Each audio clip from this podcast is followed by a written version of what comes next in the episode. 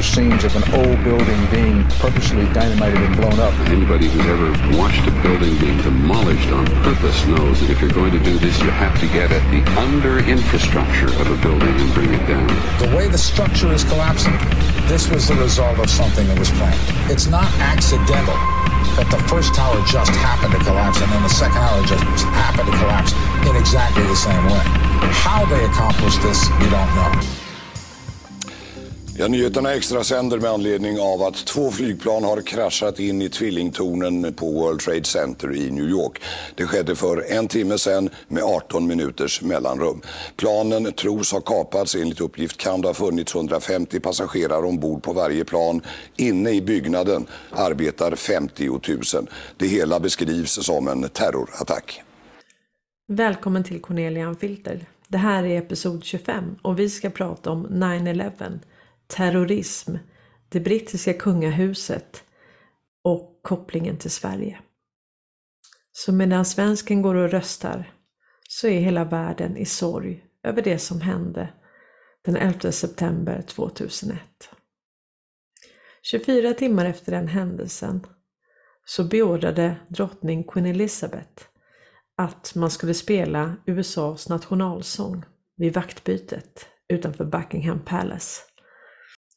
Det var första gången på 600 år som något sånt hände. Totalt dödades cirka 3000 personer vid 9-11 och det ledde till att Bush inledde kriget mot terrorismen. Året 1988 la Osama bin Laden grunden till det som blev Al-Qaida för att bekämpa de sovjetiska trupperna i landet, Afghanistan. Det här terrornätverket skapades, finansierades och tränades av USA. Al-Qaidas och bin Ladens finanschef bodde i Sverige. Aftonbladet publicerade en artikel 2003 om att en av huvudmännen i terrornätverket Al-Qaida hade bott i Sverige i 17 år. Ahmed Brahim, misstänkt för attentat där hundratals människor dödats hade en stuga i Västerbotten och pekades ut som Osama bin Ladens finanschef. Vi ska lyssna här vad Hillary Clinton berättar om hur det här egentligen gick till.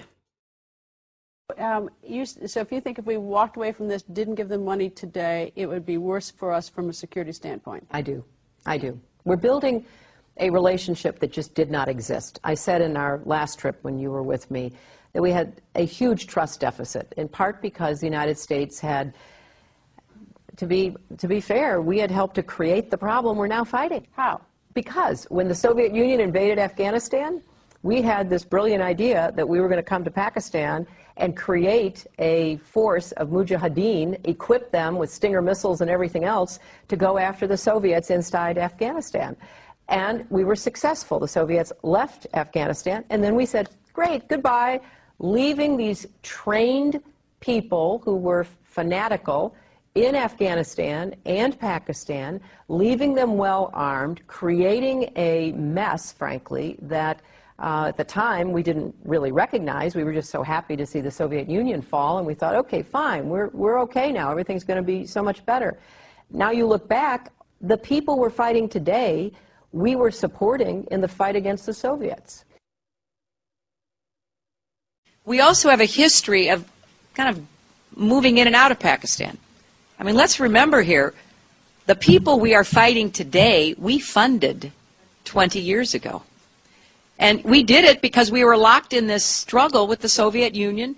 They invaded Afghanistan, and we did not want to see them control Central Asia, and we went to work. Så när Trump sa att det var Hillary Clinton och Obama som skapade och finansierade och tränade terrorister så hade han inte fel. Vi ska höra här vad Obama säger. Tonight I want to speak to you about what the United States will do with our friends and allies to degrade and ultimately destroy the terrorist group known as ISIL. So with the additional steps I ordered last month, we're speeding up training of ISIL forces, including volunteers from Sunni tribes in Anbar province. So with the additional steps I ordered last month, we're speeding up training of ISIL forces, including volunteers from Sunni tribes. Yes, let's fight against ISIL ISIS forces by speeding up the training of ISIL ISIS forces. We're speeding up training of ISIL forces. The meeting in the White House over two years ago, everyone in the national security team recommended uh, arming ISIS. We're speeding up training of ISIL forces. The U.S. led ISIS coalition. Vi vet ju att Turkiet har pekat ut Sverige som en nation som skyddar terrorister. Så i terroriststaten Sverige så har vi bin Laden och al-Qaidas finanschef som bodde i Sverige. Och vi har Iraks försvarsminister Najab al-Shamari som också är svensk medborgare. Och vi vet att Afghanistans förre president, ni vet han som flydde med cash, hans rådgivare Fazel Fasli är svensk medborgare. Och han åkte ju dit för, till Skatteverket för bidragsfusk eftersom att han tog emot barnbidrag fast han var bosatt i Afghanistan. Och det finns också starka kopplingar mellan Bush-familjen och Osama bin Laden-familjen. Och det kanske var det de här kuverten handlade om på Bushs begravning 2018. After Hillary Clinton opened her program brochure at George H.W. Bush's funeral, an envelope fell into her lap.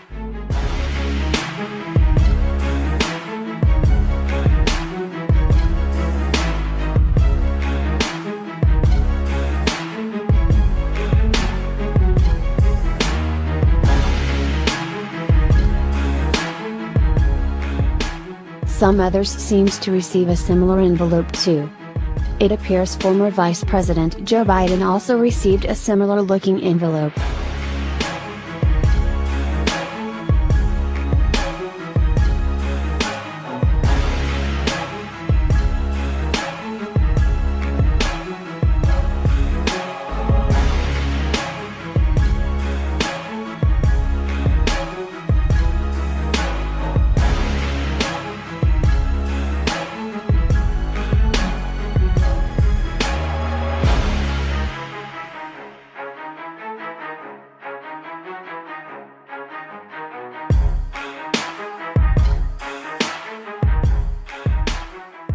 Karen Pence also received the envelope.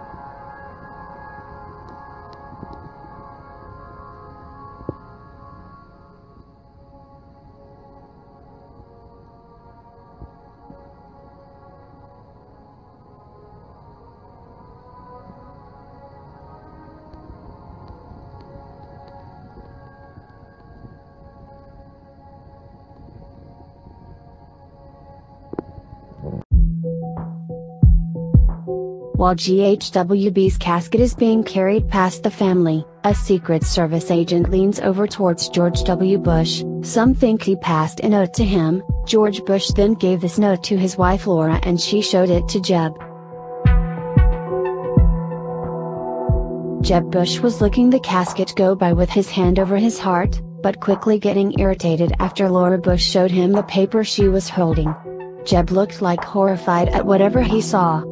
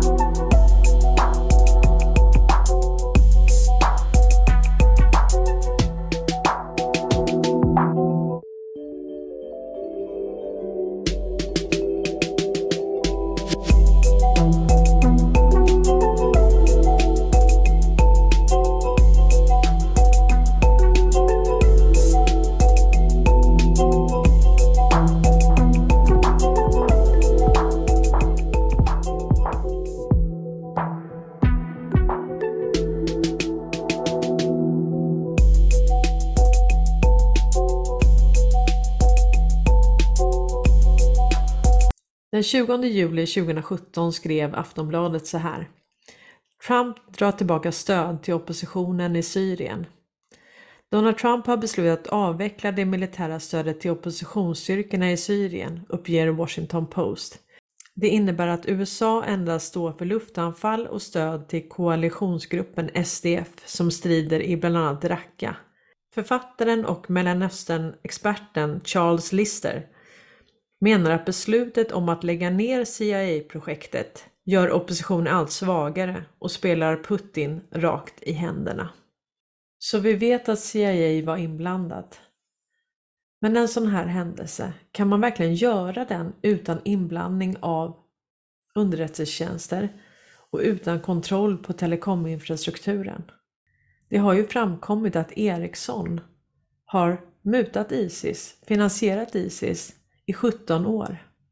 Michael Corey som har gjort The Ericsson Report, han berättar här att Ericsson anlitade Bill Clinton för ett tal som han fick nästan 6 miljoner för och sex dagar senare så bestämde sig Hillary Clinton för att lägga ner utredningen mot Ericsson och de fick fortsätta verka i Iran. How many countries? How many countries are impacted by Ericsson's takeover of the 911 system? Well, the portability system is used specifically through iConnective, 20 plus countries. And then you have about five, I mean, they have 5G towers in over 180 countries. And so when you consider the fact that within Iran, they were using their, their technology was being used against the Iranian people, the frequencies, and, you know, you think about it when you listen to music, certain music makes you feel great, right? And then if you turn it on the stereo and have it start screeching, that mm-hmm. kind of, you know, makes you feel really weird. That's frequencies doing that. So can you imagine what they could do with 180 countries controlling their 5G services, their internet, their porting. Um, I mean, very dangerous. Yes. It's a huge national security risk. And the fact that the technolo- underlying technology leads back to uh, one Rodney Lance Joffe is uh, extremely, extremely interesting. And, and the, the further and further down the rabbit hole we go, takes us back to the Seth Rich murder, takes us back to NSA spying, So uh, huge. which was, I believe, a, a complete front. Iran, Iran itself. Let's do this. Let's take a pause because you mentioned some things in your introduction. Uh, let's follow up on one of the uh, most reputable investigative journalists, uh, Peter Schweitzer, uh, who calls out, who we always call out, and that is the Clinton family. Let's see what their involvement has been for many years.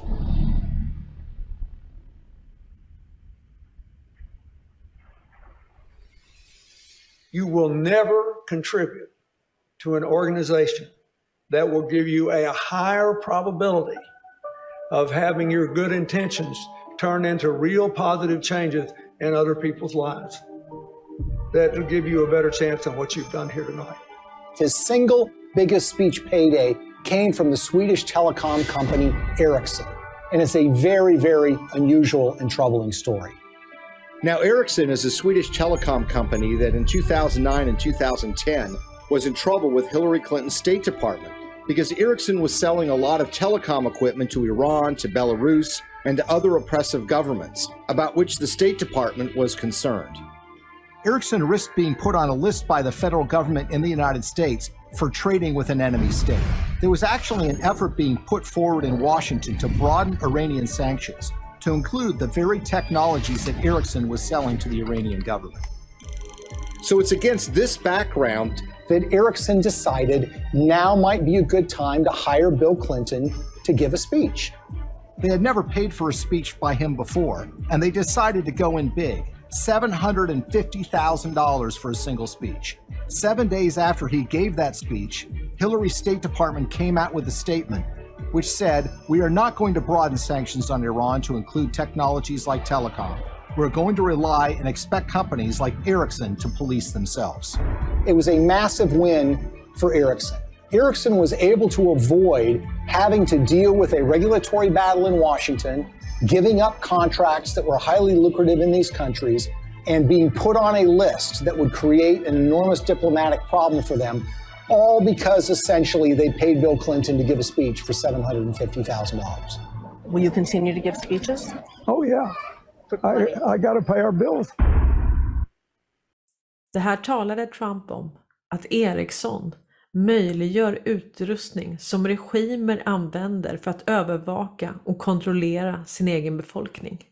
Men det här var inte de enda pengarna Hillary Clinton fick för besväret, utan man har löpande fått pengar av både Sida och det statliga Postkodlotteriet. Även Lundin Oil, som vi vet har kopplingar till Wallenberg, har varit generösa med sina donationer till Clinton Foundation.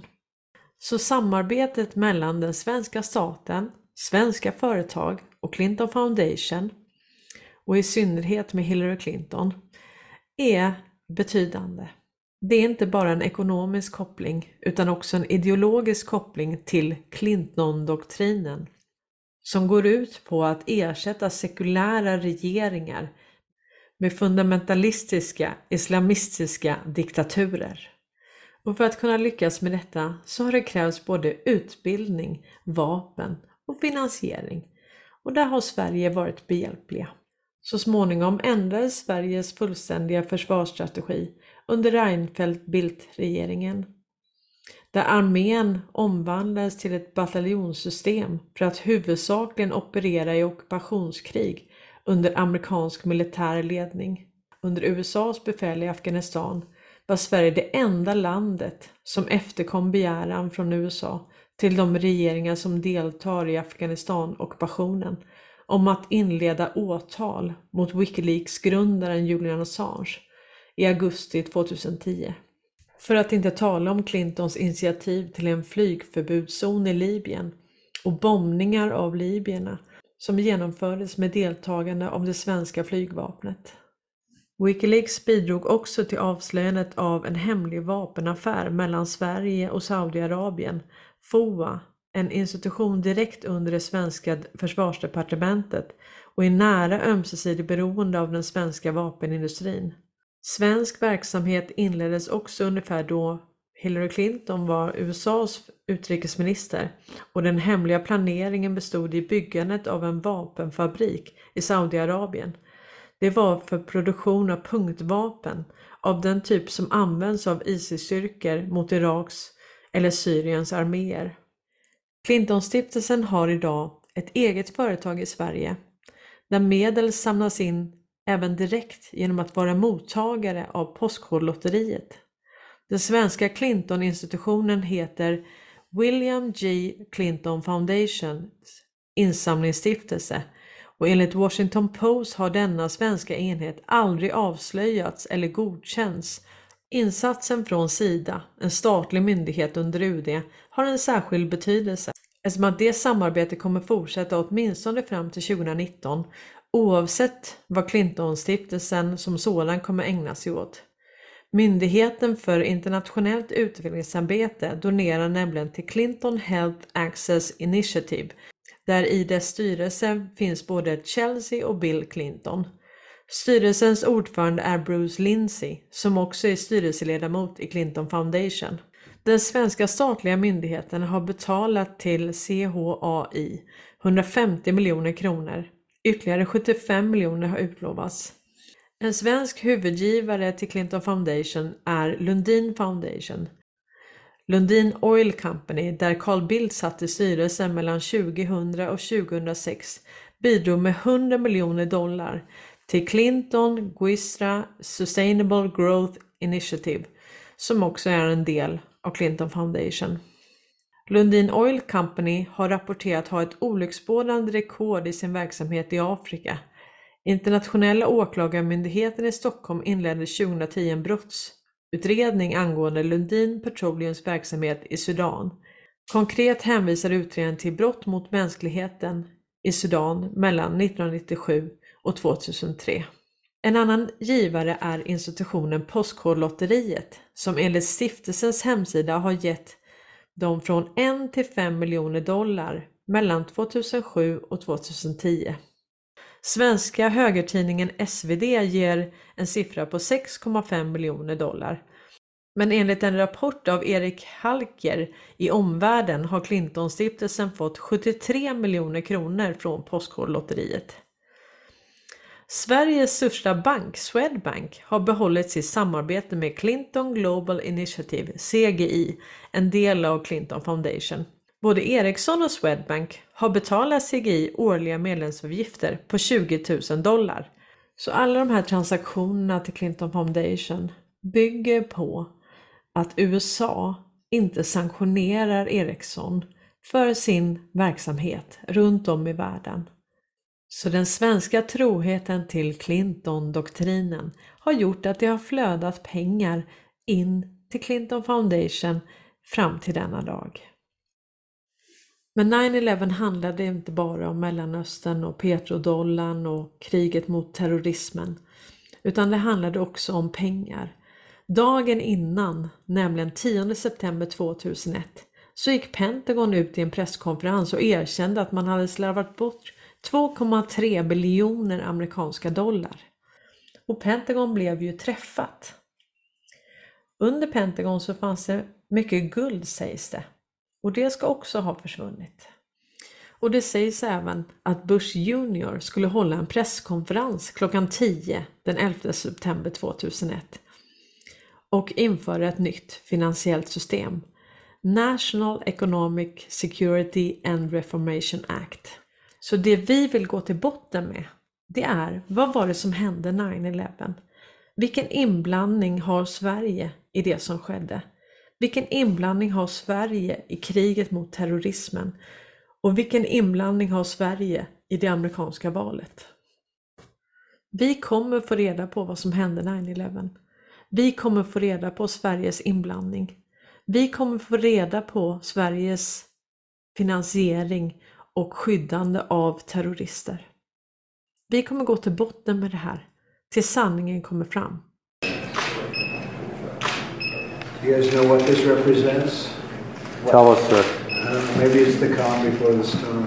What's the storm? Could be the calm, the calm before the storm. We have the world's great military people in this room, I will tell you that. And uh, we're going to have a great evening. Thank you all for coming. What storm, Mr. President? You'll find out. Give us a hint of your answers. Thank you, everybody. Thank you very much. Den 9 september 1776 så bildades Amerikas förenta nationer. Alltså på samma dag som Queen Elizabeth dog. Derek Johnson skrev så här. Optiken idag. Stor dag idag. Ingen mer guldkantad flagga bakom försvarsminister Lloyd Austin och Millys presskonferens.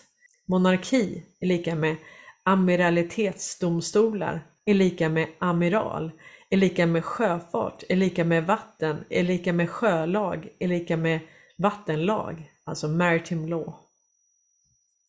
Fördrag från 1871 Brittisk monarki, centralbanker, kronan, drottningen. Hej då! Idag är det 1776 dagar sedan Qs första post. Det är dags att ta dina popcorn när dominobrickorna börjar falla. Andra siffror som kan ha betydelse är att drottningen dog 911 dagar efter att WHO deklarerade en global pandemi och att Twin Towers träffades 9-11. Och är det inte lustigt att klockan för amerikanska frihetskriget ringde den 8 september 1776. Och som vi vet så har det varit lite si och så med att följa det här med flaggor och protokoll. Och när Trump var och hälsade på Queen Elizabeth 2018 så bröt han mot protokollet.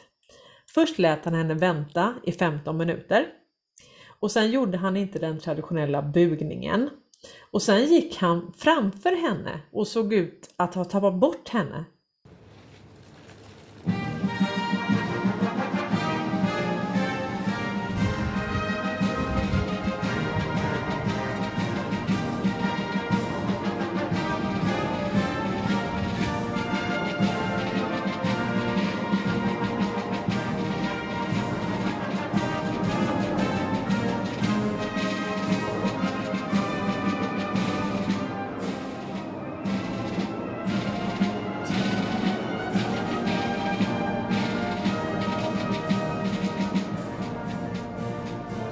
Donald Trump kritiseras nu för sina brott mot det kungliga protokollet.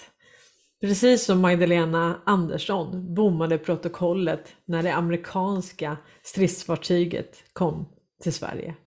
Men kan det verkligen vara så att Donald Trump bommade det här protokollet helt? Eller kan det vara så att en era faktiskt är slut? En era av kolonisering och exploatering av andra människor. En era av ett ofantligt lidande, ett kämpande. Det här systemet vi har haft med City of London, Vatikanen och Washington DC, det togs över av Trump 2017. Och sen har det här spelats ut som ett folkbildningsprojekt för att du och jag ska förstå och se vad det här är. Vi ska lära oss det här systemet. Vi ska förstå varför det inte fungerar.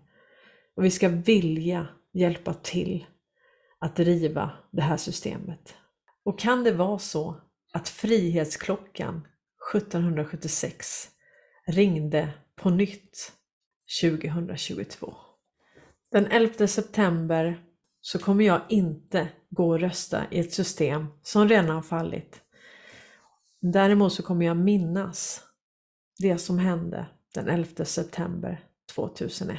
Donald Trump is on the line. I mean, we know him as the man behind lots of real estate in Manhattan. And of course, uh, Donald, I understand you were actually a witness to what happened this morning. Well, I have a window that looks directly at the World Trade Center, and I saw this huge explosion. I was with a group of people, and I, I, I really couldn't even believe it. I guess maybe the world is going to be changing, and maybe you're going to have F 16s flying all over the city, etc. But it's a pretty tough situation. What does the city need to do? Well, I guess the big thing that, that you really will have to do is never forget. You just can't forget that something like this happened. You considered running for president. If, if, if you had done that and if you had been successful, what do you think uh, you'd be doing right now?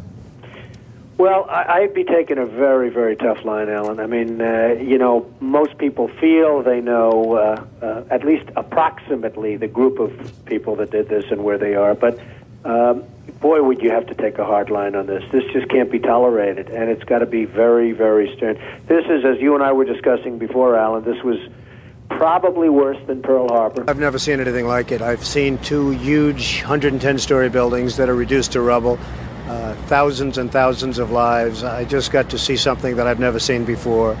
I have hundreds of men inside working right now, and we're bringing down another 125 in a little while, and they've never done work like this before.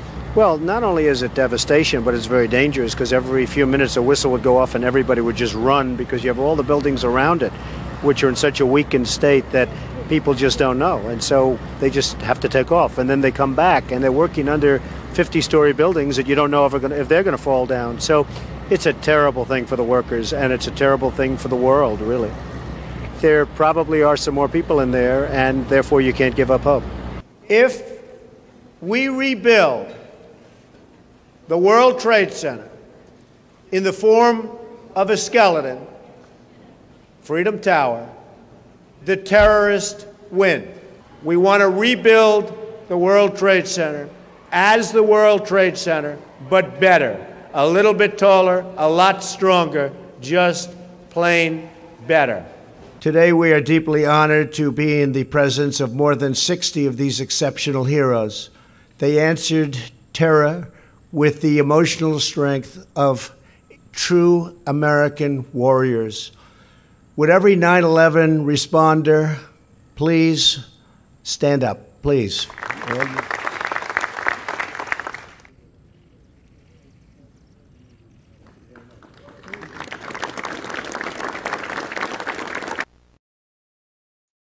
Vi ska avsluta med att titta på filmen om planen att rädda mänskligheten.